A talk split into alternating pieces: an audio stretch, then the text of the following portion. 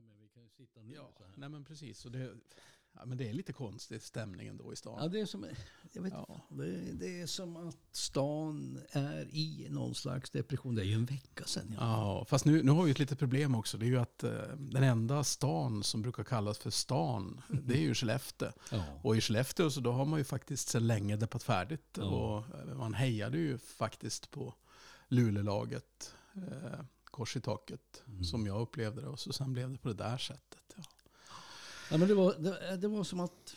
Ja, Som en baksmälla, va? eh, Ja, alltså slumpen vann den här Ja. SM-finalen. Eh, Luleå hade både stolpskott och ribbskott. Och, och sen gör liksom Färjestad mål när några klubbor klappar ihop och pucken far iväg över axeln på Lassinantti. Mm. Nej, men jag, jag la ju märke till det och funderade rätt mycket att eh, Luleå hade ju som ett övertag i den här matchen. Man, Mm. man spelade bättre, man hade ett bra tryck. Men då var det så att eh, Färjestad hade ju ett helgjutet försvar. ja, Och, det hade de verkligen. och sen precis då när det här olycksaliga målet då kom från Luleås sida. Man kan ju inte direkt, det satt i krysset men, men Mm. mera slumpartat sätta pucken i krysset har man väl aldrig varit med om. Så 50 minuter var ju Luleå det absolut bättre laget. Håller med. Men det är de si- tio sista minuterna som gjorde det. Mm. I den sista matchen. Och det får man väl också säga när man tittar över och analyserar den här säsongen som ju jag har gjort väldigt kraftfullt. Att Luleå har ju... Luleå Hockey har ju, har gjort en helgjuten rakt igenom säsong. Man har spelat fantastiskt bra i grundserien. Man har gjort en, ett, final, ett eh, slutspel som, som jag tror går till historien. Och, Mm och, så, och det kan man inte säga att Färjestad har gjort egentligen. I grundserien så var de ju inte alls sådär Men Färjestad, jag tänker Skellefteå säger du. Skellefteå gick ju också på pumpen mot för just Färjestad. Ja. Färjestad kom sexa i Ja, och, grundserien. och väldigt mycket av, av det som tippades kring just den här matchen var ju att, eller kring Färjestad-Skellefteå var ju att det här var ett perfekt lottning för Skellefteås sida. Och så sen så gick, gick Färjestad och, och då finns det ju de som hävdar att Färjestad på något sätt har mörkat sig genom hela grundserien och Inte. egentligen, nej. Ishockey är ju ibland slumpens sport. Mm. Det är klart att några som vinner eh, en SM-final, man kan ju inte vara så taskig och säga att det var slumpen som gjorde det, men jag tror nog att om det ska vara kämpaglöd så då var det nog Luleå som borde ha tagit hem den här bucklan. Borde ha gjort, men jag, jag måste ändå säga att jag, jag tycker nog faktiskt att Skellefteå vann rättvist. De satte puckarna. Fast nu var det Färjestad och inte Skellefteå. Eller vad fan säger jag? Ja. jag, jag, jag Du är önsketänkte Bernt. Det- Är det det- så det att var i, det. i, i, hemlig, i hemlighet så är du ett Skellefteå-fan? Alltså, jag är fortfarande deppad. Det, det måste vara utslag av min depre- hockeydepression. Men grejen är, solen går fortfarande upp Det varje gör det. dag. Bernt har fått hockeyafasi. Hörru ja. Skit i detta. Vad ska vi prata om idag? ja, men idag ska vi, tycker jag, prata om, om en eh, fantastisk företagsledare som har gått ur tiden. Mm. Eh, jag tänkte att vi skulle prata om en musikfestival som försvunnit ur tiden. Mm. Och så sen ska vi prata om en försvarsallians i tiden uppenbarligen, NATO. Yes.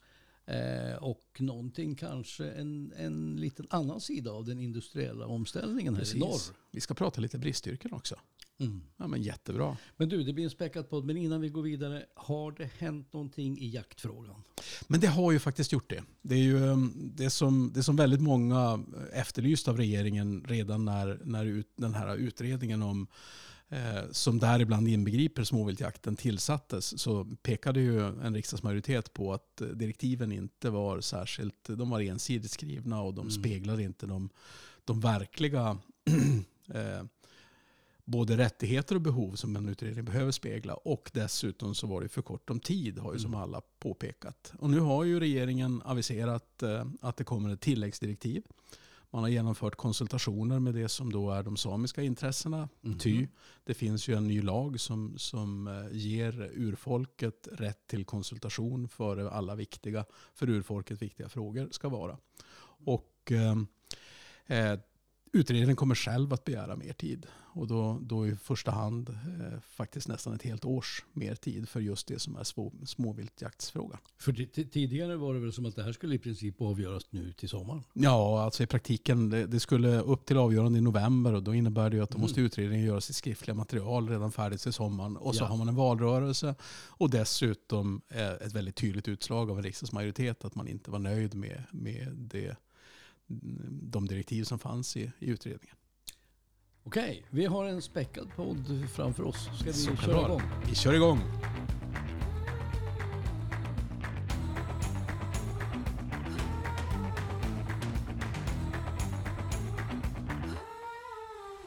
Du lyssnar på podden Konsulatet som får ovärderligt stöd av de här företagen. Handelsbanken, Kommunikationsbyrån Yours, Revisionsbyrån Advice, Hotell Savoy, Samhällsbyggaren BDX, Norrmedia och fastighetsbolaget Galären. Välkomna ska ni vara till konsulatet som idag sänder med mig Jonas Lundström och Bernt Tiberg. just det, den här gången är Malin inte med. Hon kommer tillbaka redan nästa gång. Jajamän. Eh, ska vi hoppa direkt in i det som är vårt, eh, vårat innehåll? Vi hade ju en tråkig nyhet. Ja, vi ska väl, jag tycker vi ska ta upp att eh, Kurt Bergfors, Max grundare, har gått ur tiden efter ett, eh, vad jag har förstått, mycket besvärligt sjukdomsförlopp. Mm. Han blev eh, 73 år gammal, en fullfjädrad entreprenör, visionär, filantrop. Startade oerhört eh, framsynt med att bygga upp den, den första riktigt helgjutna svenska hamburgerkedjan får man väl säga. Norrländska stoltheten Max. Jajamän, 1968 i Gällivare satte han upp sin första grill. Och den här hette, han döpte den till Uno X-grillen. Ja, var det efter bensinmacken då? Ja, precis. Ja, men annars så döper man ju inte en hamburgergrill till Uno X-grillen. Nej, men jag tror att i folkmun så kallade, kallades den för krysset. Alltså Ah. det här Xet blev liksom Just grejen för grillen om man säger så. Och den lever ju fortfarande kvar, just det varumärket i Skellefteå. Ja, Trots att krysset brann ner så byggdes den upp igen och, och är ju lite, lite annorlunda. Det, det finns några menydelar som, som inte riktigt finns på andra Max-restauranger och den heter krysset. jag funderar på det där, alltså hur, hur det kom sig att han sen döpte om firman till Max. Och jag, jag, jag, vet inte detta, men jag spekulerar ju själv i att det var lite grann, han be- behöll det här Xet ur Uno X, X-grillen. Och McDonalds låt, alltså Mac, eh, Mac Max, alltså Just där det. har du det. Och där Ja. fanns väl en av de mest uppmärksammade eh, varumärkestvisterna som har skett i svensk och internationell hamburgerhistoria.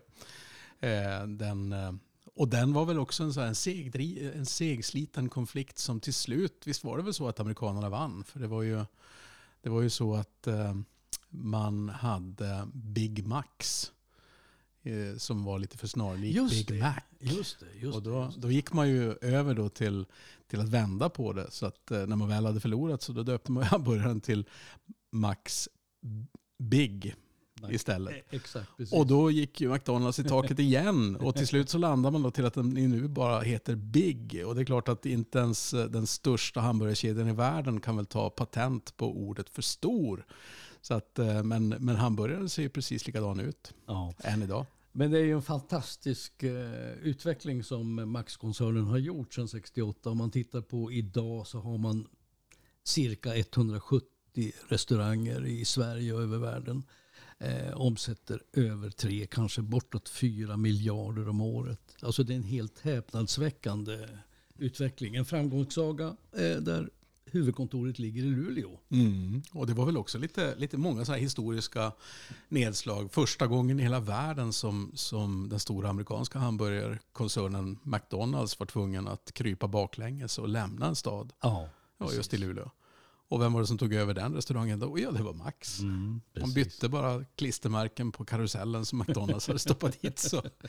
Men eh, Bernt, du har väl haft förmånen att få, få jobba med eh, Kurt Bergfors? Ja, det har jag gjort. Eh, Under 80-talet så eh, var jag en av hans konsulter. Jag jobbade med, med delar av hans reklam på den tiden. Eh, och det var en otroligt spännande människa att jobba med. Alltså han var väldigt omtänksam, extremt noggrann men också väldigt, väldigt krävande skulle jag vilja säga. Eh, att- men att jobba, att jobba nära honom det innebär att man var tvungen att infria hans egna höga förväntningar eh, och helst överträffa dem. Men det som jag tycker kännetecknade honom mycket det var det här med att han var väldigt generös och att han var otroligt inspirerande att jobba med. Alltså för Kurt Bergfors så var ingenting omöjligt. Allt var möjligt. Och det är klart att den här eh, Luleå som stad var ju oerhört påverkad av Kurt Bergfors under det som var 1980-tal och, och en, en Ja, bra visst. bit av 90-tal också. Absolut. Alltså han betydde ju jättemycket för den restaurang, för det, rest- det restaurangliv vi har idag och för det nöjes, den nöjesprofil vi har idag här i norr betydde han väldigt mycket. Det var han som satte fart på det här. Mm. Med allting från den lilla bistron till, till Stora Stadshotellet. Och, Ja, precis. Eh, och på Stadshotellet dans på tre golv och det var Stadspuben och det blev Tallkotten och det blev en massa gästartister Mhm. från när och fjärran som kom in. Ja, men just det. Ska vi ta och spela en liten hyllningssång till, till det som är en del av Kurt Bergfors gärning? Här kommer den.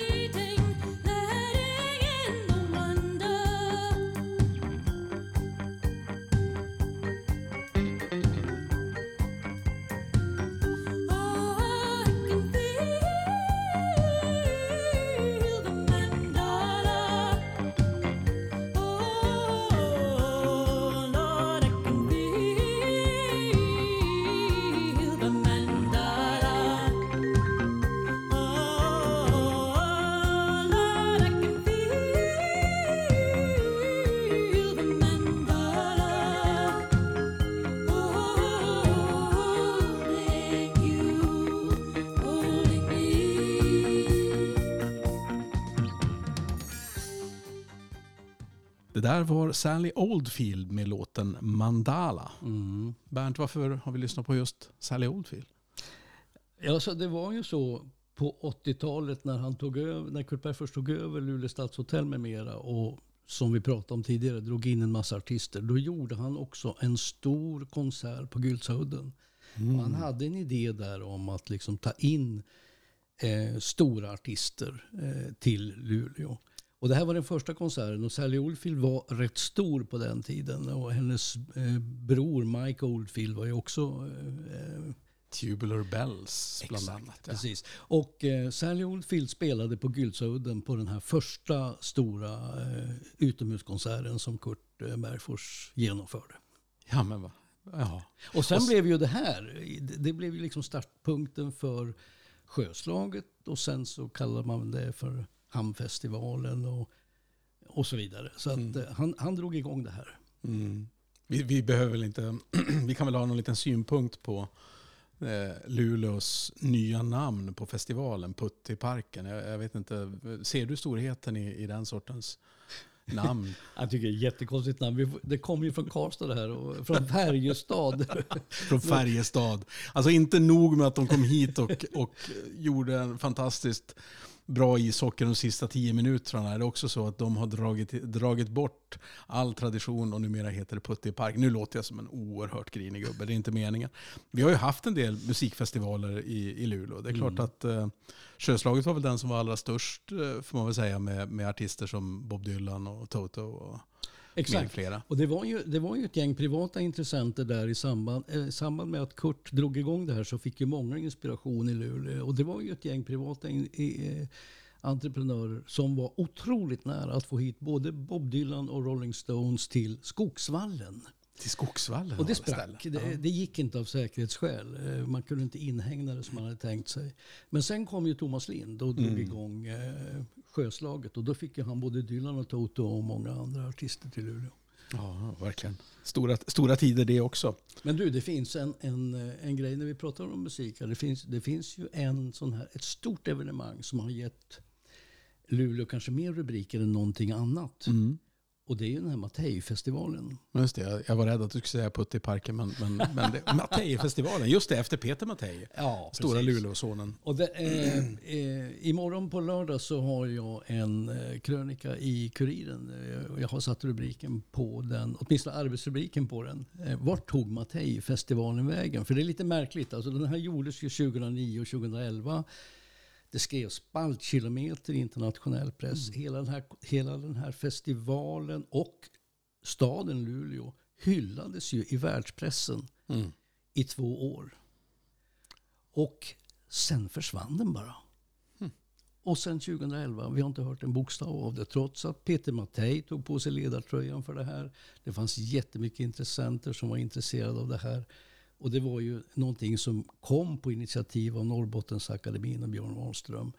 Alltså man ville ge Luleå lite internationell lys, lyskraft med en stor, riktigt påkostad klassisk eh, festival. Och det är lite intressant. Vart tog den vägen? Mm. Ja, det är, om det är någon som vet så kan ni hemskt gärna berätta det för oss. Ni, ni når oss allra enklast kanske på vår Facebook-sida som heter podden Konsulatet. Ni kan ju också ta del av det som är våra krönikor och eh, våra poddar. De finns allihopa på webbadressen www.konsulatet.nu. Ska vi dessutom eh, ska vi lyssna lite grann på Peter Mattei, Luleås och Norrbottens stora opera-virtuos. Nej, men jag tycker vi gör det och då ska vi lyssna på det som kallas för champagnearan ur Don Giovanni. Domattina, tu una decina deve metar. Germanista, di Mercina, te me metar, se tu ragazza, cani per ragazza, te per bella, cercherà. Germanista, donna mattina, tu Mercina, te me metar, senza tu nelle, senza sia, chi il mio vento, chi la folia, chi la mano, parlerà. Decina deve metar. Una decina deve metar, una decina deve metar. Devi metar, devi metar, devi, devi aumentar.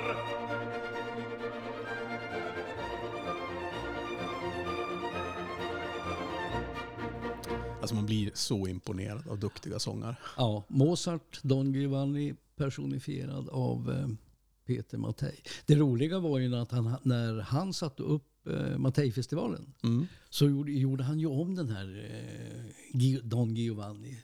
Så det blev ju, han gjorde ju honom till en Lulebo. Som eh, hade ett bluesband på Örnäset. Han käkade Max hamburgare. Och han blev dyngkär i Elvira från Övik. Alltså han flyttade hela den här Mozarts miljö till Luleå och Norrbotten. Det är ju fantastiskt. Det här är skitkul. Nu, nu är det ju så att Övik ligger ju inte i Norrbotten. Nej, men man kan bli kär i en flicka från Övik som kommer till Luleå. Vi har haft hittills vårt samtal rätt mycket om det som, det som är både eh, ja, men, som är vår hemstad Luleå förstås. Vi, så vi tänkte som expandera vårt utrymme lite grann och gå ända till den nordatlantiska försvarsalliansen NATO. Mm, vi har ju pratat om den tidigare. Mm, det har vi gjort. Och då Nu har vi också, klart. Nu är det klart. Ja. Ja. Klart är det väl absolut Nej, inte riktigt. För Okej. det, det är klart att eh, i söndags då, då eh, offentliggjorde ju Socialdemokraterna att de, eh, att de har ändrat åsikt. Mm. Eh, Peter Hultqvist hade ju sagt att under inga omständigheter skulle han vara försvarsministern som tar Sverige in i NATO. Eh, Det kunde alla vara säkra på. Men Det är, väl rätt, det är väl rätt många som har ändrat uppfattning och varit sten, stensäkra. Mm. Jag tror väl kanske att det allra tydligaste eh, uttalandet kom inte från en svensk utan i vanlig ordning från en finländsk stor politiker, fin, eh, republiken Finlands president, som sa att Putin, det är du som har gjort det här. Mm. Precis. Alltså, det har ju varit en extremt intensiv NATO-debatt de senaste månaderna och Finland har ju på något sätt haft huvudrollen. Men jag läste en intressant grej i huvudstads, en intressant artikel ska jag säga, i Huvudstadsbladet om den förändrade svenska och finska självbilden som har kommit eh, på grund av Putin. Då. Mm. Och egentligen den här, den här började ju eh, redan när Ryssland invaderade det första fredliga grannlandet Georgien under 2008. Då eh, jag hade ett samtal faktiskt med Finlands eh, tidigare statsminister Paavo Lipponen som tyckte att det var ju dålig timing för honom att förknippas med Nord Stream precis när det här hände. Men han var uppriktigt förvånad och trodde inte att, att Ryssland hade för avsikt att föra anfallskrig. Sedan dess så är det väl lätt att säga vad var det, vad var det vi sa med att eh, de gick vidare att 2014 invadera Ukraina. Och egentligen så det, det som gjordes nu för tre månader sedan var ju inte en ny invasion utan det var ju bara en fullskalig invasion av eh, de mått som de tidigare hade börjat med. Så att det är klart det är en ny värld. Det här svenska beslutet nu som väl blir att vi går in med en ansökan till NATO. Det, det kommer säkert att ifrågasättas, eh, tror jag. Och jag tycker redan det börjar liksom komma upp eh, eh, eh, lite ifrågasättanden om att, det- att det här beslutet, om vi nu går in, saknar tillräcklig folklig förankring och att det har gått för fort och att det hade behövts mer tid för analys och debatt och sådär. I Finland så har ju den här demokratiska processen framställt Finland så istället som väldigt handlingskraftigt och pragmatiskt, även om det har gått lika fort där. Mm. Men det, det kan väl vara lite grann av en, en, eh, får vi säga, en, en finsk specialtradition. Att eh, när viktiga frågor kommer för republiken, då samlar man sig ibland oerhört fort. Men man Ja. kan inte säga att debatten inte har funnits i Finland. Nej men precis, alltså, jag, jag tror att den stora skillnaden mellan Sverige och Finland här är att i Finland är man nog rätt överens om att det var folk, NATO-opinionen svängde bland det, i det finska folket. Mm. Och att eh, presidenten, statsministern och resten av den politiska ledningen på något sätt inte hade något alternativ än att hänga på. Mm. Så det är, ju, det är ju en skillnad i hur det här har gått till. Om det nu är en riktig beskrivning. Men jag har Mm. uppfattat det så. Det är lite grann som den amerikanske filmmogulen Samuel Goldwyn lär ha sagt. Jag måste följa dem, jag är ju för fan deras ledare. Ja, det är bra. Nej, men det, det kan man väl säga också att, att eh, vad som blir lite speciellt när man pratar NATO-debatt är ju att de som, jag- skulle vilja påstå att de som egentligen är motståndare till NATO eh, säger inte att man är motståndare till NATO lika tydligt som man kunde göra tidigare. Utan istället säger man att det här har inte fått den, den tid som det har behövts och det har inte fått, eh, Ja. vi har inte fått en möjlighet att prata om alternativ. Men det är ju som några eh, erfarna svenska politiker, eh, tidigare ministrar med mera har sagt att vad är alternativet? Mm. För tidigare pratade man ju rätt mycket om en nordisk försvarsallians. Ja, men i och med att Finland går med i NATO så är det enda nordiska landet som skulle stå utanför NATO är ju Sverige.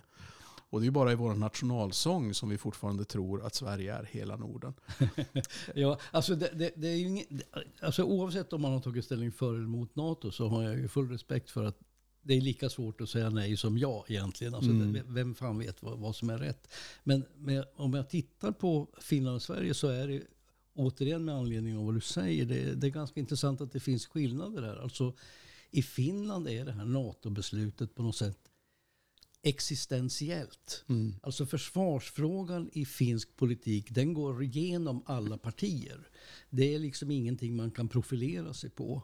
Utan om man, när, man, när finnarna bestämmer sig för att gå med i NATO då handlar det om en existentiell fråga. Hur ska vi överleva? I Sverige så är NATO-frågan partipolitisk och ideologisk.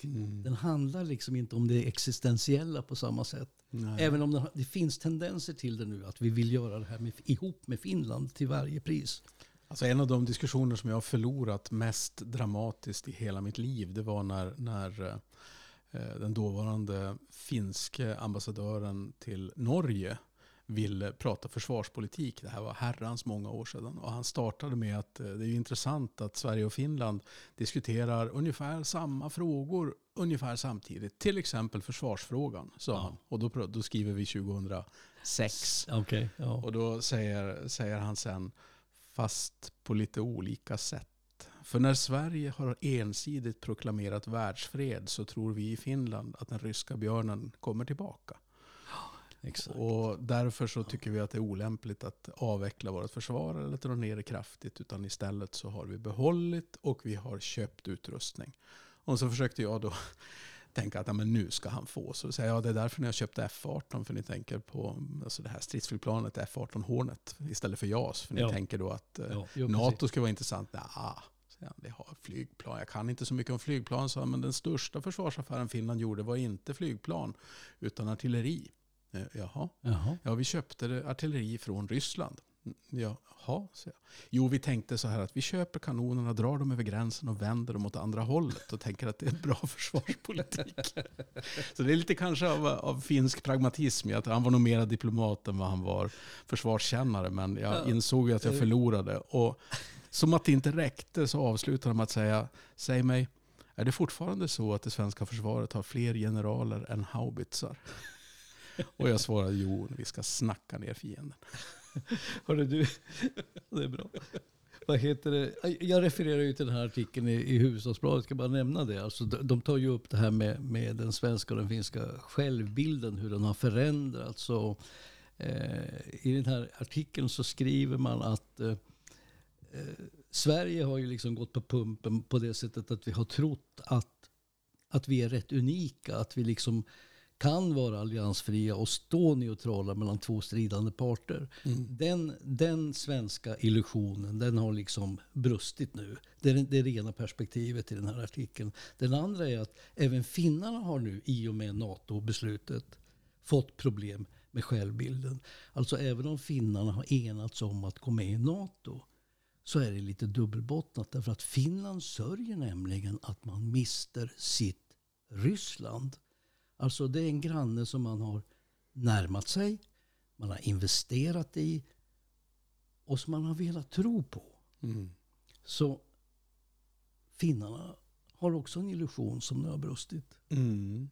Sen, sen tror jag väl också någonstans att för, för Finland så blev nog redan första, första grundskottet i Georgien, det första tecknet på att nu, nu är det allvar. Och det är klart att alla de övningar som Ryssland har gjort under senare tid, för de har ju genomfört gigantiska försvarsövningar och de döps ju efter väderstrecken. Mm. Och när de har haft sin, sin övning, jag tror att väst heter det Zapat, då, då, eh, då har ju de simulerat anfall mot eh, i praktiken de balk- baltiska staterna eller Finland, fast Ja. de har genomfört det då i, i, i Vitryssland. Jag har ju nämligen slutat kalla Belarus för Belarus. Belarus? Ja, för nu är de i Vitryssland. Det finns ingen, finns ingen större skillnad mellan det ena och det andra. Okej, det ska jag fundera lite på. Ja, Mm. Det kan vara lite så, en markering sådär. Jag tror inte att det är någon, jag tror inte att eh, diktatorn i Vitryssland lyssnar på mig.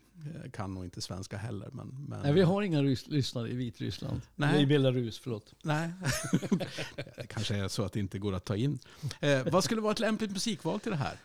Ja, nu måste vi spela Universal Soldier med First Aid Kit. Det gör vi.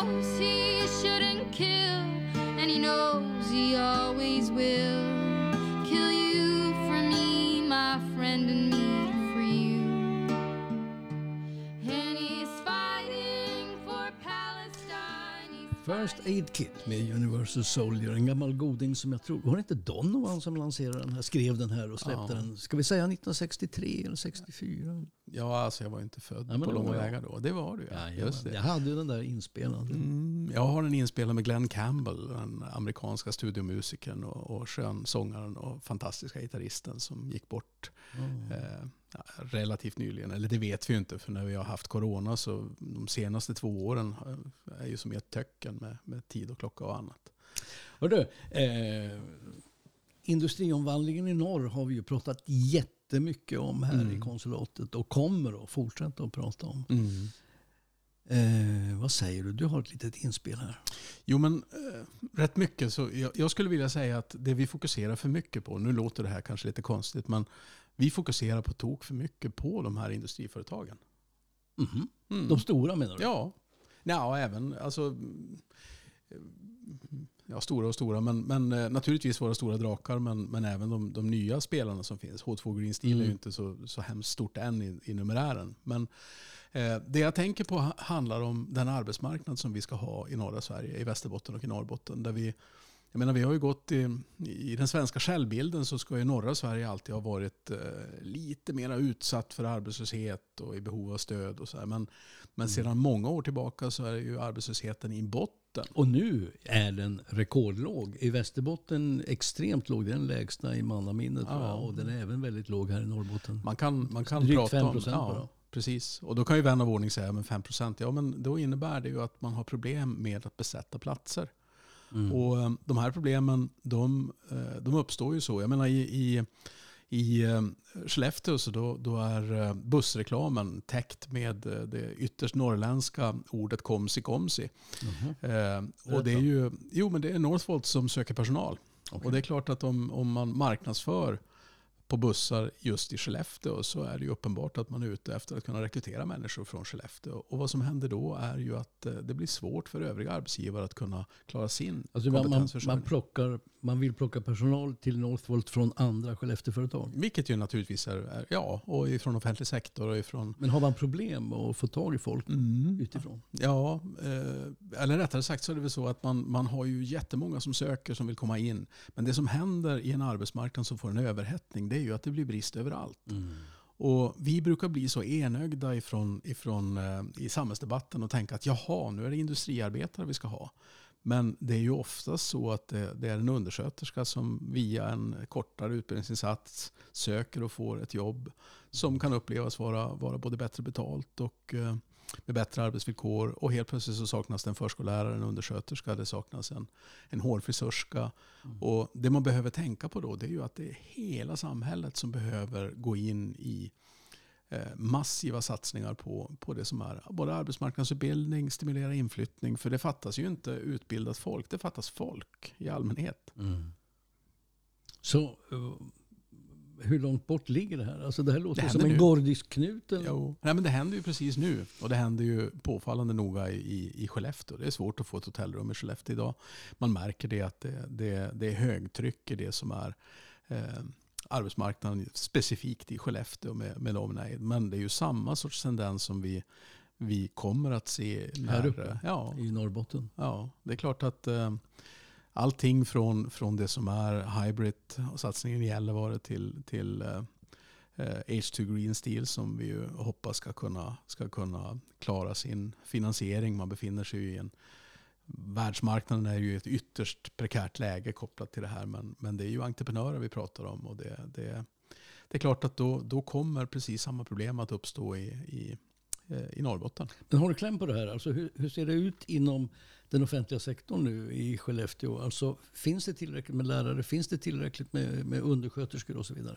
Ja, men det, det man kan titta på, om man, om man ska följa de, de lite längre tendenserna, då, då är det ju så att eh, tittar vi i fyrkanten så hörde jag att eh, nu fyller man en klass på ungdomsgymnasiet för blivande undersköterskor.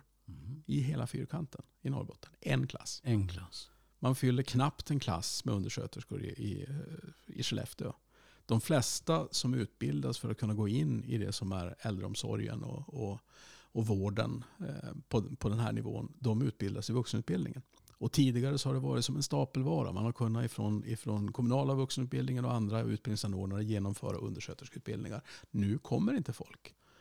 Tidigare kunde du fylla en klass utan problem med, med vuxna som ville göra en karriärväxling. När man gjorde det här i Skellefteå då fick man tre stycken sökande. Men jag tänker att om, om kommunen växer, om Mm. våra kommuner nu växer och fl- fler ska bo här, det innebär ju att det blir ett ökat tryck på behov av en Mm. större offentlig sektor. Det är, det är ökat behov av sköterskor, Mm. lärare, pedagoger och så vidare. Och vid, en, vid, vid ett tillfälle nu på senare tid så hörde jag vice rektorn i, vid Umeå universitet, Dieter Müller, Mm. Som lite lakoniskt konstaterade att det är väldigt få människor som flyttar långa sträckor i Sverige för att eh, söka ett jobb som undersköterska. Aha. Utan den allra lättaste, de allra mest flyttbara delen av arbetsmarknaden det är de, de absolut högst utbildade som finns i specialistyrken.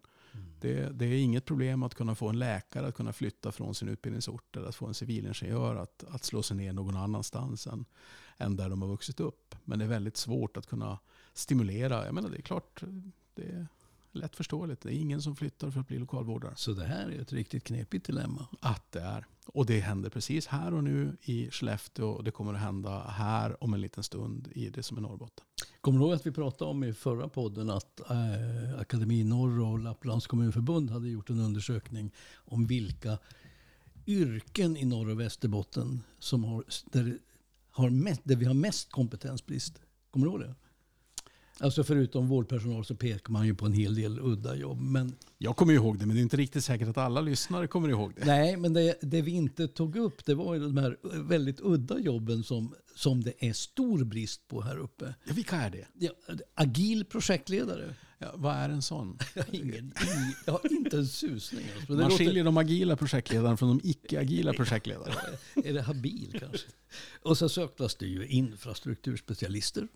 Ja, det kan jag mycket väl förstå med tanke på att det är Och stora projekt. IT-infra, instra- eh, IT-infrastrukturspecialister också. Ja, just det. Applikationsutvecklare till iPhone och Android-telefoner. Det förstår vi vad det är för någonting. Eh, Inte hur det går till, men, men vad det är. Eh, men du, vet du vad? Vad som saknas här uppe också, det är back-end developer. Back-end developer, det låter ju lite mera som eh, vatten och avloppsspecialist. Jag tror inte det är det. Men vet du vad vi skulle behöva här på konsulatet? just nu? Nej, vad behöver vi? Vi skulle behöva en podcast chatter. Jag söker jobbet. Okej, då får du bli podcastavslutare idag då. Tack så mycket. Och tack alla ni som har lyssnat.